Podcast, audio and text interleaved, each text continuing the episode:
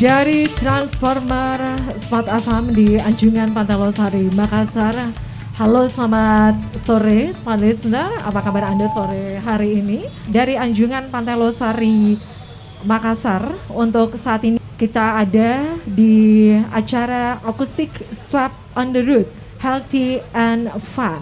Di mana kegiatan ini, uh, smart listener, ini merupakan kegiatan yang dilakukan oleh uh, pemerintah Kota Makassar dan di sini juga dapat saya informasikan bahwa Anda yang melintas dari arah Metro Tanjung Bunga keluar ke Pantai Losari Makassar itu sepertinya ada beberapa petugas yang akan uh, mengarahkan Anda untuk masuk ke Anjungan Pantai Losari Makassar ya. Karena dapat saya informasikan juga para petugas uh, saat ini itu melakukan pemeriksaan ya terhadap pengendara baik itu pengendara roda 2 kemudian juga pengendara roda 4 dan untuk pemeriksaan yang dilakukan ini eh, pendengar itu dilakukan oleh beberapa gabungan petugas ya. Jadi ada dinas perhubungan kota Makassar dan juga ada dari TNI ya. Kita akan mengetahui lebih banyak terkait kegiatan ini, tujuan kegiatan ini apa sih sebenarnya dan seberapa efektifkah dengan adanya kegiatan swab on the road ini untuk menekan ya, menekan mobilitas warga di Kota Makassar ini sebagai upaya untuk menekan penyebaran COVID-19 Kota Makassar. Baik, untuk saat ini kita langsung saja berbincang-bincang bersama kedua narasumber saya yang saat ini sudah hadir uh, di venue langsung dari Anjungan Pantai Losari Makassar. Saat ini saya menyapa dulu. Di sini sudah ada Bapak Kepala Dinas Perhubungan Kota Makassar, Bapak Iman Hud. Assalamualaikum warahmatullahi wabarakatuh. Selamat sore, Pak. Waalaikumsalam warahmatullahi wabarakatuh. Selamat sore, salam sehat. Salam sehat ya. Gimana kabarnya Pak Iman? Alhamdulillah baik.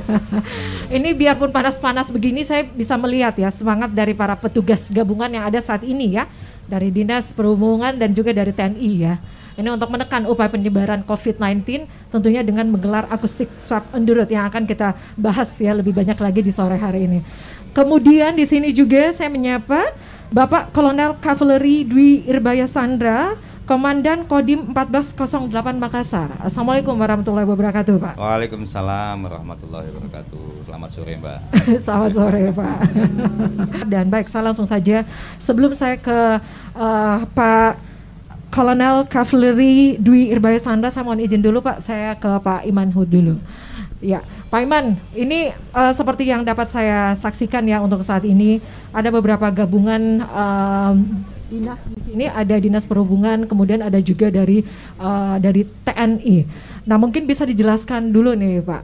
Kemarin ini ada ya uh, keluarga saya nih yang sempat ya, ini dari luar daerah kemudian ingin kembali ke daerah asal itu merasa was-was katanya. Katanya ada swab on the road. Merasa was-was untuk takut balik ya ke daerah asal. Sebenarnya untuk uh, swab on the road ini apa apa pak? Bisa memberikan sedikit uh, gambaran? Dan untuk sore hari ini kita juga menggelar akustik swab on the road di Pantai Losari Kota Makassar. Silakan pak. Ya izin Pak Dandim, ya para pendengar setia. Smart FM. Ya oke. Jadi swap on the road itu bagian integral dari Makassar Recover. Ini bersinergi dengan eh, COVID Hunter, bersinergi dengan detektor, termasuk dengan isolasi terapung. Nah, ini dalam upaya menekan menekan penyebaran COVID-19 juga mengurangi mobilitas masyarakat yang berkendara di jalan. Karena mengingat apa yang kita ketahui bersama karena Makassar ini kategori level 4. Kemudian mobilitasnya kata kategori itu hitam ya.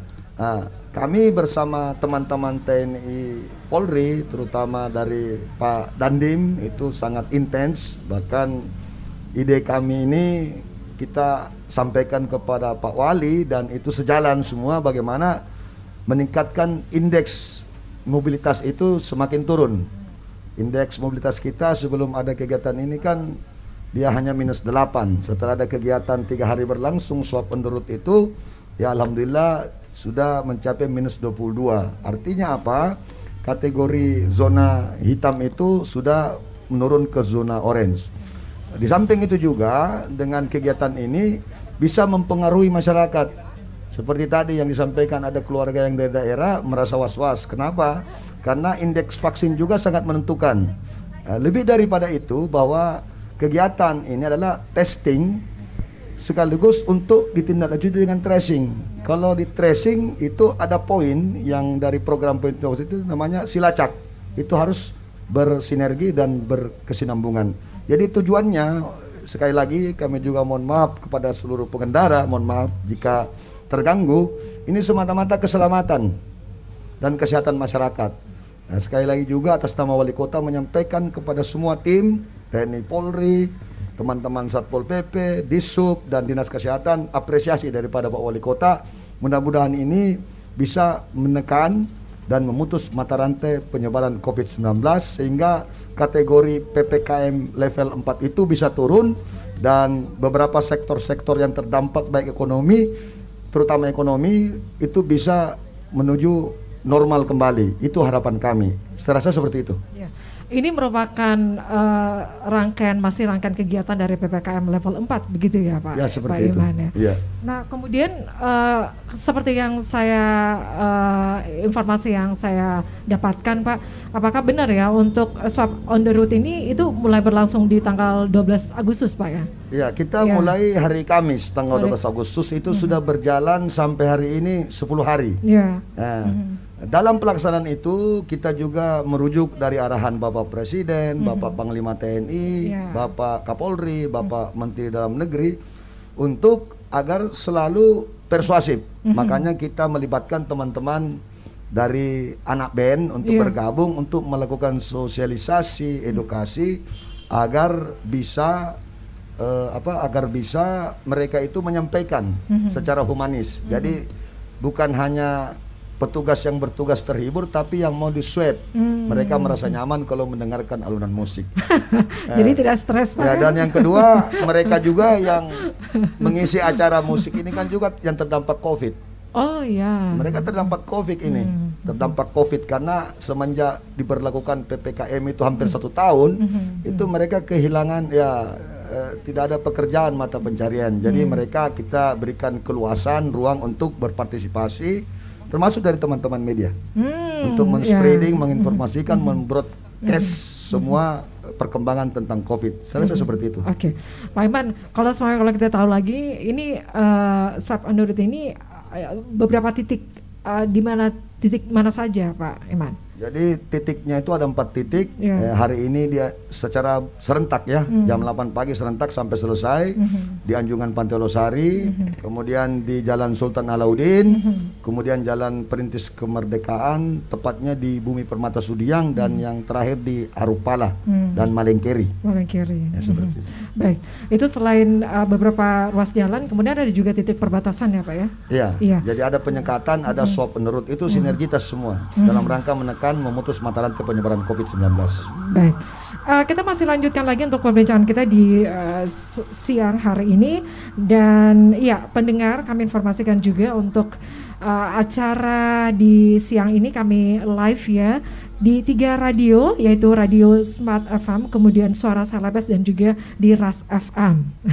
Baik, Eh, tadi itu ya dari eh, Pak Iman tadi menyampaikan bahwa ini beberapa upaya yang dilakukan oleh pemerintah kota untuk menekan penyebaran COVID-19 Kota Makassar. Jadi eh, untuk beberapa tim yang dilibatkan juga eh, dari Dinas Perhubungan, kemudian dari TNI, kemudian ada juga para seniman ya. Ini yang terdampak eh, COVID-19. Eh, kemudian eh, Pak Iman, kalau semuanya tadi di- seperti diinformasikan ya beberapa penyekatan yang dilakukan.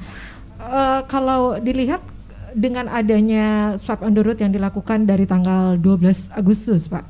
Eh, seperti apa efektivitas penyekatan yang dilakukan untuk eh, menekan penyebaran COVID-19 Ya, di Kota ya, Makassar? Untuk mengukur efektivitas adalah kita harus melihat korelasi positif. Mhm. Tolak ukurnya adalah sebelum kita lakukan swab on the road, kita lihat signifikansinya. Jadi korelasi positifnya, apakah variabelnya itu mempengaruhi variabel selanjutnya. Iya. Alhamdulillah Mhm. tiga hari berjalan tadi saya sampaikan pemantauan dari pusat itu itu menunjukkan bahwa signifikan yang tadinya minus 8 indeks mobilitas Mhm. sekarang naik menjadi minus 22. Oke. Artinya apa? Orang semakin berkurang. Mhm.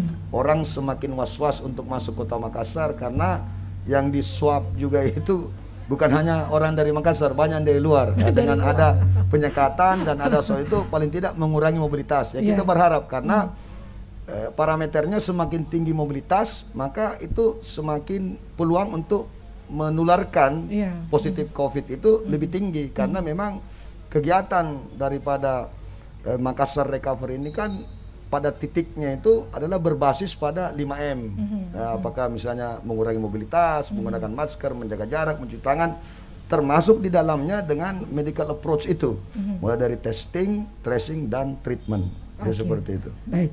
Dari Pak Iman, saya mohon izin lagi ke Pak Dandim ya. Iya, Pak. Pak, ini eh, dengan adanya swab road ya, ini merupakan gabungan dari Dinas Perhubungan kemudian dari Dinas TNI. Nah, seperti apa nih dari TNI sendiri kesiapan dengan adanya swab road ini, Pak? Baik, terima kasih Mbak. Makasih juga. Salam selalu sehat kepada pendengar setia radio uh, Smart Smart, FM. FM, ada Ras FM, kemudian Suara selebes. Suara selebes juga. Mudah-mudahan kita senantiasa mendapat lindungan dan barokah dari Allah Subhanahu wa taala. Jadi mungkin saya bisa menyampaikan di sini kesiapan kita TNI juga rekan-rekan dari kepolisian pastinya kita akan selalu mendukung apa yang menjadi program dari pemerintah Kota Makassar dalam hal ini Pak Wali Kota beserta jajarannya. Karena TNI dan kepolisian juga kami mendapat tugas langsung dari pimpinan kami di tingkat pusat untuk bersama-sama dengan pemerintah daerah ya gabungan dan terpadu sama-sama uh, mengentaskan pandemi ini di wilayah kita Kota Makassar. Jadi untuk kegiatan swab ini tadi seperti yang disampaikan oleh Pak Kepala Dinas Perhubungan Kota Makassar, kita ada empat titik dan untuk kekuatan dari TNI sendiri yang meliputi jajaran Kodim Makassar juga ada perkuatannya, kawan-kawan dari polisi militer dan kawan-kawan juga tenaga kerja eh, tenaga kesehatan dari Rumah Sakit Pelamonia membantu di sini. Eh, kurang lebih sekitar 112 orang kurang lebihnya ya 112 atau 115 kita tersebar dari empat titik itu. Dan kita bersama-sama dengan eh, pemerintah daerah pastinya ada dinas perhubungan ada mungkin satpol pp ada nakes juga dari puskesmas termasuk juga stakeholder yang lainnya. Bahkan relawan juga dari ikatan dokter Indonesia juga tergabung di sini. Dan terobosan baru juga tadi disampaikan oleh Pak Kadisub kita mengajak kawan-kawan dari akustik ya musisi Makassar. Jadi selama setahun lebih kita bergelut dengan pandemi ini mereka juga kesulitan untuk berkarya untuk menyampaikan ekspresinya. Sehingga dengan wadah ini kita ajak mereka untuk tetap produktif ya tetap produktif berkarya namun juga selalu membiasakan ya membiasakan untuk uh, melaksanakan protokol kesehatan demikian mbak Oke, baik. Itu tadi untuk personil yang diturunkan eh, berapa berapa jumlahnya, Pak? Oke, untuk kegiatan swab on the road ini Iya. kita turunkan kurang lebih 112. Mhm. Namun demikian juga dalam rangka Makassar Recover ya. Iya. Uh, PPKM level 4 untuk wilayah Kota Makassar ditentukan oleh pemerintah pusat dalam hal ini Kementerian Kesehatan. Dan dalam rangka melaksanakan uh, PPKM level 4 di Kota Makassar ini Bapak Wali Kota uh, mempertajam kegiatan itu dengan kegiatan program Makassar Recover. Hmm. Nah, di situ kita terjunkan juga kurang lebih 415 personil. 415 personil. Iya, 415 personil Mhm. ah, yang merupakan gabungan baik dari jajaran Kodim Makassar itu sendiri, juga tenaga kesehatan dari Pelamonia dan juga rekan-rekan dari satuan-satuan yang berada di wilayah Garnisun Makassar. Oke, Eh, Pak Dadim, ini dari beberapa ha- hal yang dilakukan ya untuk menekan penyebaran COVID-19. Ada ppkm, kemudian eh, dari lanjutan ppkm juga ada swab on the ini. Apa yang menjadi tantangan di lapangan dari pihak TNI, Pak? Baik. Tantangan pastinya mungkin hampir sama dengan kawan-kawan kita dari pemerintah kota, tenaga kesehatan dari puskesmas, dinas perhubungan, juga yang lainnya.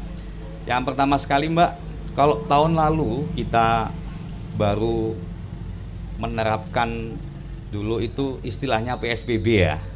Nah, sekarang ini kita PPKM. Tapi semuanya itu dalam rangka untuk meminimalisir pandemi ini eh, agar secepatnya apa eh, hilang dari lingkungan kita. Tantangan yang pertama kami ambil contoh, selain kita melaksanakan PPKM ini, Mbak, kita juga semuanya sedang gencar-gencarnya melaksanakan vaksinasi. Oh iya. Iya, vaksinasi.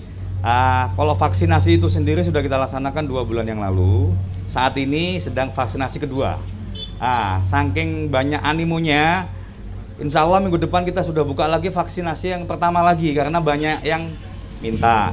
Ah, tantangannya pertama untuk vaksinasi itu dulu kita mengajak, bahkan kita apa ya? Kalau bisa kita rayu kita rayu, ayo kita vaksinasi karena itulah satu apa salah satu upaya untuk menciptakan kekebalan herd immunity di kita. Nah, berjalannya waktu berjalan dua bulan ini, alhamdulillah masyarakat kita sudah semakin bertambah kesadarannya sehingga dia yang memerlukan vaksinasi itu. Itu tantangan yang pertama. Nah, tantangan yang kedua juga kegiatan dalam rangka Makassar Recover dan PPKM ini juga kita kan melaksanakan kegiatan tracing atau 3T ya, tracing, testing, tracing dan treatment. Testing salah satunya dengan melaksanakan swab ini, nanti juga dilaksanakan PCR oleh puskesmas yang saat ini sedang gencar, kemudian men-tracing kontak erat, manakala ada ditemukan mungkin salah satu masyarakat yang positif dan mereka di tracing untuk melihat kontak eratnya siapa saja. Harapan dari ini kita laksanakan treatment. Salah satu treatment ini adalah eh, Pak Wali Kota sudah menginisiasi dengan sangat baik adanya isolasi terapung. Nah, harapan kita itu artinya tadi bukan kita memisahkan keluarga yang positif dengan yang sehat, tapi tadi menjaga yang sehat dan merawat yang sakit. Demikian mungkin, Mbak. Baik.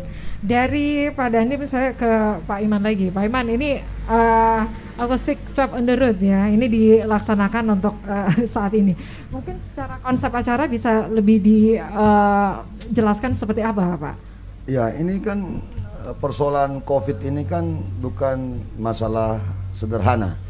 Ini sifatnya kompleks dan semua terdampak. Ibarat kita di lautan, ini Ya. ombaknya besar, mau kapal kecil, besar sama sedang kena. Dan yang terdampak ini kan banyak. Kalau yang sakit jelas berapa yang positif, tapi yang terdampak karena dengan adanya PPKM, adanya pembatasan kegiatan tanda kutip kecuali yang kritikal dan esensial, itu mereka terbatasi untuk mencari dan memperoleh pekerjaan. Nah, jadi poinnya di situ. Jadi kita memberikan kesempatan juga kepada teman-teman kurang lebih 28 para musisi atau anak band itu untuk terlibat termasuk media untuk melakukan broadcast atau memerlukan spreading informasi untuk melakukan edukasi dan sosialisasi. Jadi pendekatannya itu lebih humanis karena karakter masyarakat kita kan segmennya masih berbeda-beda. Jadi tadi yang disampaikan Pak Dandim ya memang kita harus mencoba ya membujuk atau merayu sehingga mereka paham. Iya, tidak takut ya. jadi bahwa COVID ini tanggung jawab kita bersama. Iya. Kalau hanya TNI Polri dan Satpol PP itu yang bekerja itu nggak mungkin. Mhm. Partisipasi masyarakat bisa menerima dengan baik, menyikapi dengan baik karena kalau kita tidak vaksin dengan maksimal maka susah kita capai health immunity kan Mhm. seperti itu. Kalau kita tidak mengisolasi yang positif maka kemungkinan dia akan mentransmisi yang lain sehingga untuk penanganan pemutusan mata rantai itu semakin sulit. Jadi ini langkahnya ini adalah terintegritas kemudian bersinergitas sehingga tujuan daripada harapan awal baik himbauan dari Bapak Presiden, Mhm. Panglima TNI dan Kapolri dan Menteri Dalam Negeri adalah bagaimana memutus mata rantai. Inilah langkah-langkahnya semua. Sehingga ini kan menggunakan biaya yang tidak sedikit, mengalokasikan anggaran, kemudian petugas yang berbuat ini kan cukup banyak dan ini sudah cukup lama, Iya. hampir satu tahun. Jadi mungkin ti- titik apa tingkat kejenuhan dan kebosanan itu diperlukanlah kesabaran para petugas untuk lebih persuasif dan humanis. Tapi selalu kata kuncinya kita harus juga menegakkan aturan itu dengan tegas, jelas, terukur dan terarah. Karena tidak mungkin kita akan menemukan kepatuhan dan kesadaran tanpa penegakan hukum. Ya. Jadi penegakan hukum itu berbanding lurus dengan penegak apa kepatuhan itu berbanding lurus dengan penegakan hukum seperti itu. Oke, ini seperti diinformasikan bahwa kita akan eh, melibatkan para seniman, begitu ya Pak Iman? Ini kapan sebentar? Ya mungkin setelah kita berbicara break langsung on air. Ya. ini langsung gitu ya. Jadi kalau anda nih smart listener yang sedang mendengarkan siaran kami di siang ini, wah ini trik sekali nih Pak Iman. Ya, Kita tetap biasa. semangat ya untuk anda smart listener.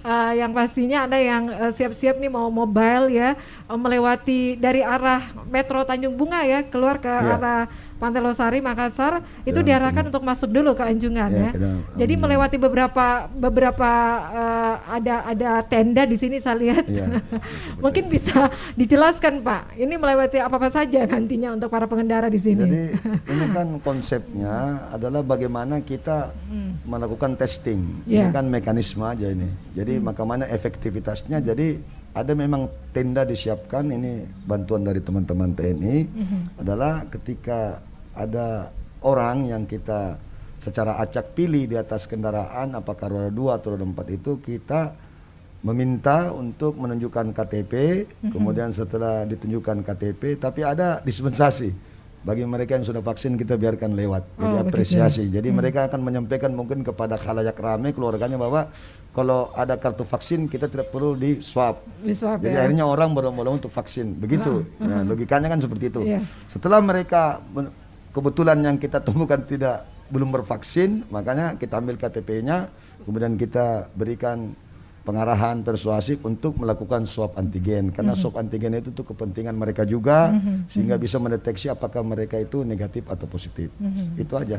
Jadi makanya dari tim baik nakes dari TN TNI maupun nakes dari dinas kesehatan itu bekerja sama untuk melakukan proses swab kemudian mencatat kemudian melaporkan kepada dinas kesehatan baik pada tingkat kecamatan tentang kalau ada yang positif. Nah, Alhamdulillah memang ya positif rate-nya itu cukup rendah. Jadi paling kalau 100 orang itu tiga, jadi dua persen dari 2%. jumlah yang disuap. Karena target kita satu titik itu 100 orang, jadi setiap hari 400, tapi ada yang lebih. Oke. Seperti Dari sekarang datanya berapa Pak? Yang kalau Jadi- semua yang terjaring dari kemarin-kemarin begitu Ya, Pak? dari, di beberapa ya, titik. jadi untuk hari ini kan belum karena sementara pencatatan. Proses ya, tapi pencatatan. untuk hari kemarin di hari ke-9 hari Jumat itu 3804.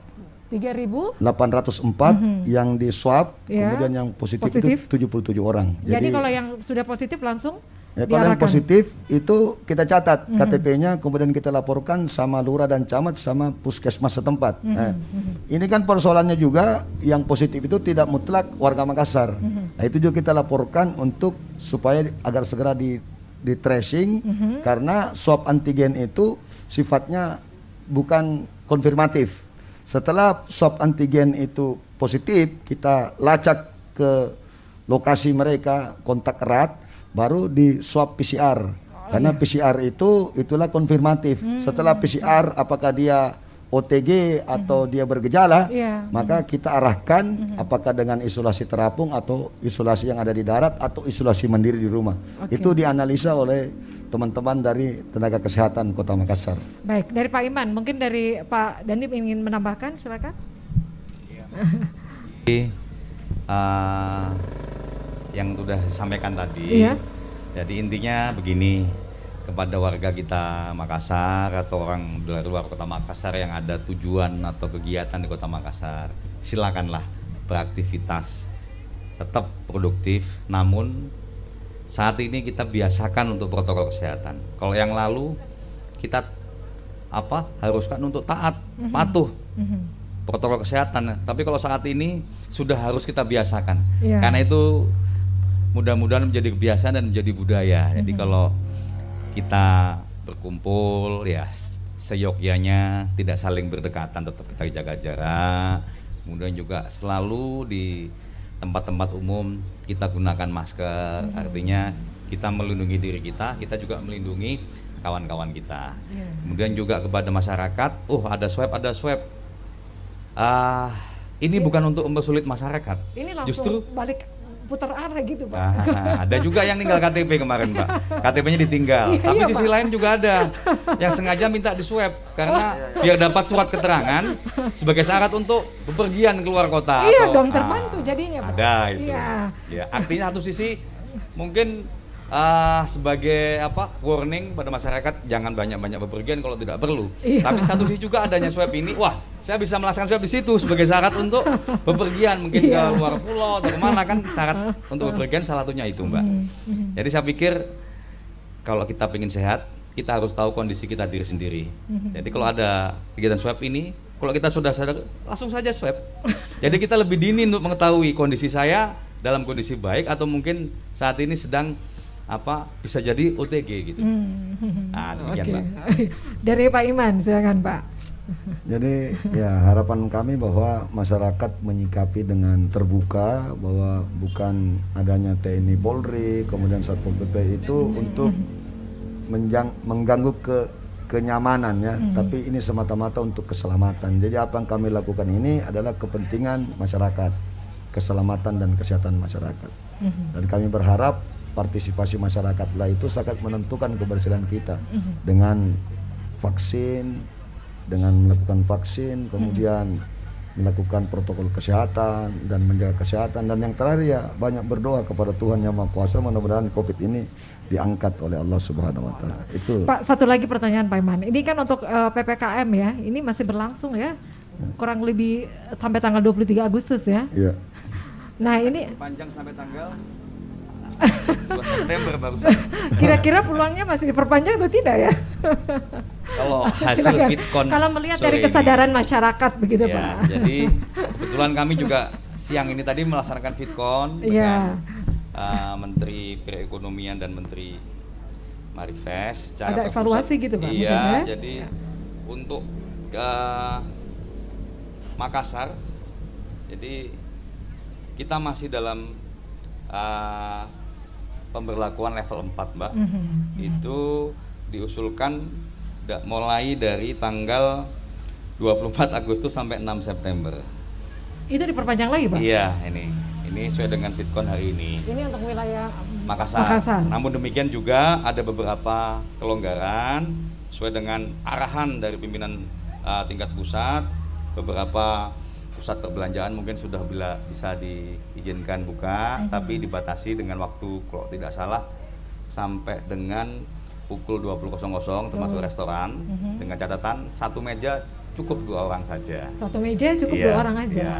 Kalau ini, Pak- sekeluarga perginya, Pak? Ah, mungkin ada tiga meja kalau keluarga besar gitu ya. Nah, di sini nanti juga lupa saya selain Makassar Recover di dalamnya juga ada Satgas Raika, Mbak. Ah. Pengurai kerumunan.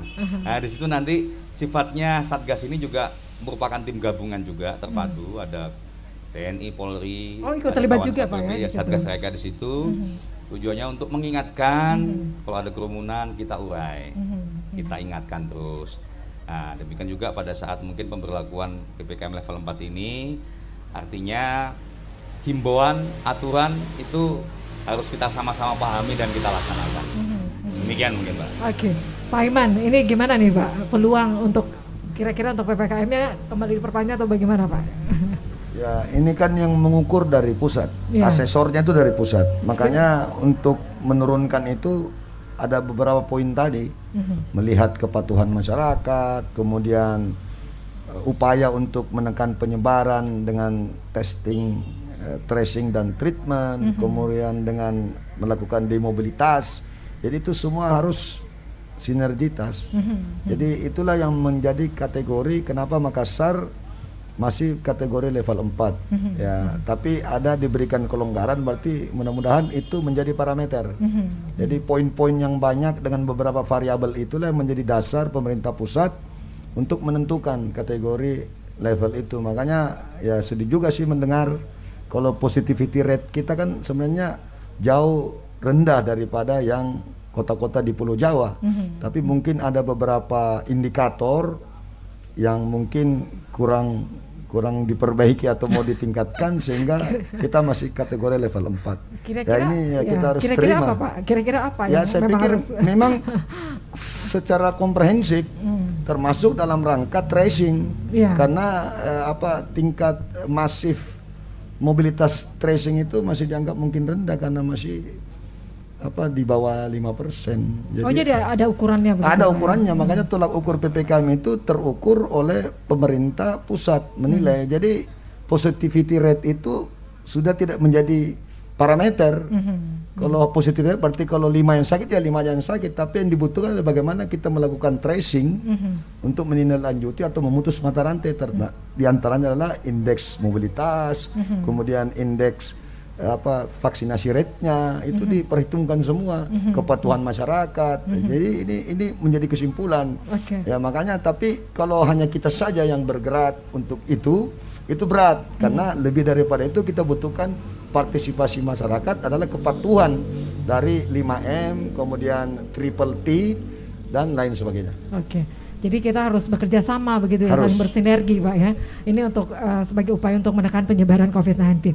Sepertinya saya lihat ini sudah mulai siap-siap begitu ya. Iya. Siap-siap karena sebentar juga para seniman juga dihadirkan ya untuk menghibur kita semua. Jadi untuk eh, kegiatan Mana? on the road ini bukan suatu hal yang menakutkan begitu ya. Jadinya suatu hal yang menyenangkan ya, Pak Dandim. Tadi seperti diinformasikan ya, itu sangat terbantu Pak ya. Oke, masih ada yang disampaikan dari Pak Iman dan juga Pak Dandim sebelum kita tuntaskan acara ini? Ya itu kata kuncinya itu ya partisipasi masyarakat lah Iya. mhm. untuk bisa mendukung kami karena kami ini sudah hampir satu tahun bergumul Iya. dengan COVID-19. COVID. Sudah jenuh juga sih sebenarnya. ini kalau saya ngobrol sama Pak Iman itu serasa masih di Satpol PP gitu ya. Ternyata ini sudah beralih di Dinas Perhubungan. Mohon maaf Pak Iman. Baik. Dari Pak Dandim masih ada yang disampaikan? Cukup Pak? Ya, saya sampaikan yang pertama sekali mungkin saya menghimbau mengajak kepada warga kita Kota Makassar Iya. apa yang terjadi dengan kota kita ini Mhm. Pastinya tidak terlepas dari kita. Mhm. Kalau kita saat ini berjibaku dengan COVID ini, kalau kami satu tangan, outputnya sangat kecil. Susah. Tapi kalau kita bergandengan tangan bersama-sama antar pemerintah daerah, ada unsur TNI, Mhm. Polri, Mhm. kemudian unsur-unsur relawan, Mhm. Mhm. juga masyarakat, Mhm. nah, pastinya itu mudah-mudahan tidak akan sulit. Mhm. Karena apa? Semuanya punya tanggung jawab moral, termasuk kawan media juga Iya. memberikan bahasa, memberikan berita yang informatif dan membangun. Mhm. Sehingga saya berpikir semakin banyak kita mendengar berita positif, maka pikiran kita akan positif. Mudah-mudahan imunnya kita akan naik.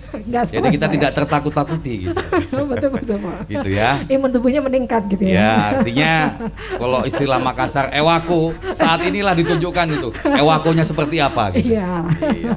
Bersama-sama ya melakukan berbagai upaya jadi bukan dinas terkait saja tapi semua elemen masyarakat ini ikut bersinergi untuk menekan uh, penyebaran uh, menekan penyebaran COVID-19. Baik, uh, demikian Smart Listeners sekali lagi terima kasih untuk Pak Iman Hud sudah hadir di sore hari ini tepatnya di Anjungan Patelosari. Pak Iman Hud Kepala Dinas Perhubungan Kota Makassar dan juga uh, Kolonel Cavalry Bapak Dwi Irbaya Sandra, Komandan Kodim 1408 Makassar. Terima kasih sekali lagi, Pak. Baik. Iya. Selamat melanjutkan aktivitasnya, jaga kesehatan, Pak ya. Baik. Dan Smart Listener, demikian untuk perbincangan kita di sore hari ini tepatnya di acara Acoustic Swap on the Road Healthy and Fun langsung dari Transformer Radio Smart FM Makassar di Anjungan Pantai Losari Makassar. Dan sekali lagi terima kasih untuk Anda semua pendengar yang sudah menyimak perbincangan kita di sore hari ini dari Radio Suara Selebes, Ras FM dan juga Radio Smart FM Makassar. Saya Mirza Arianti, sukses untuk Anda.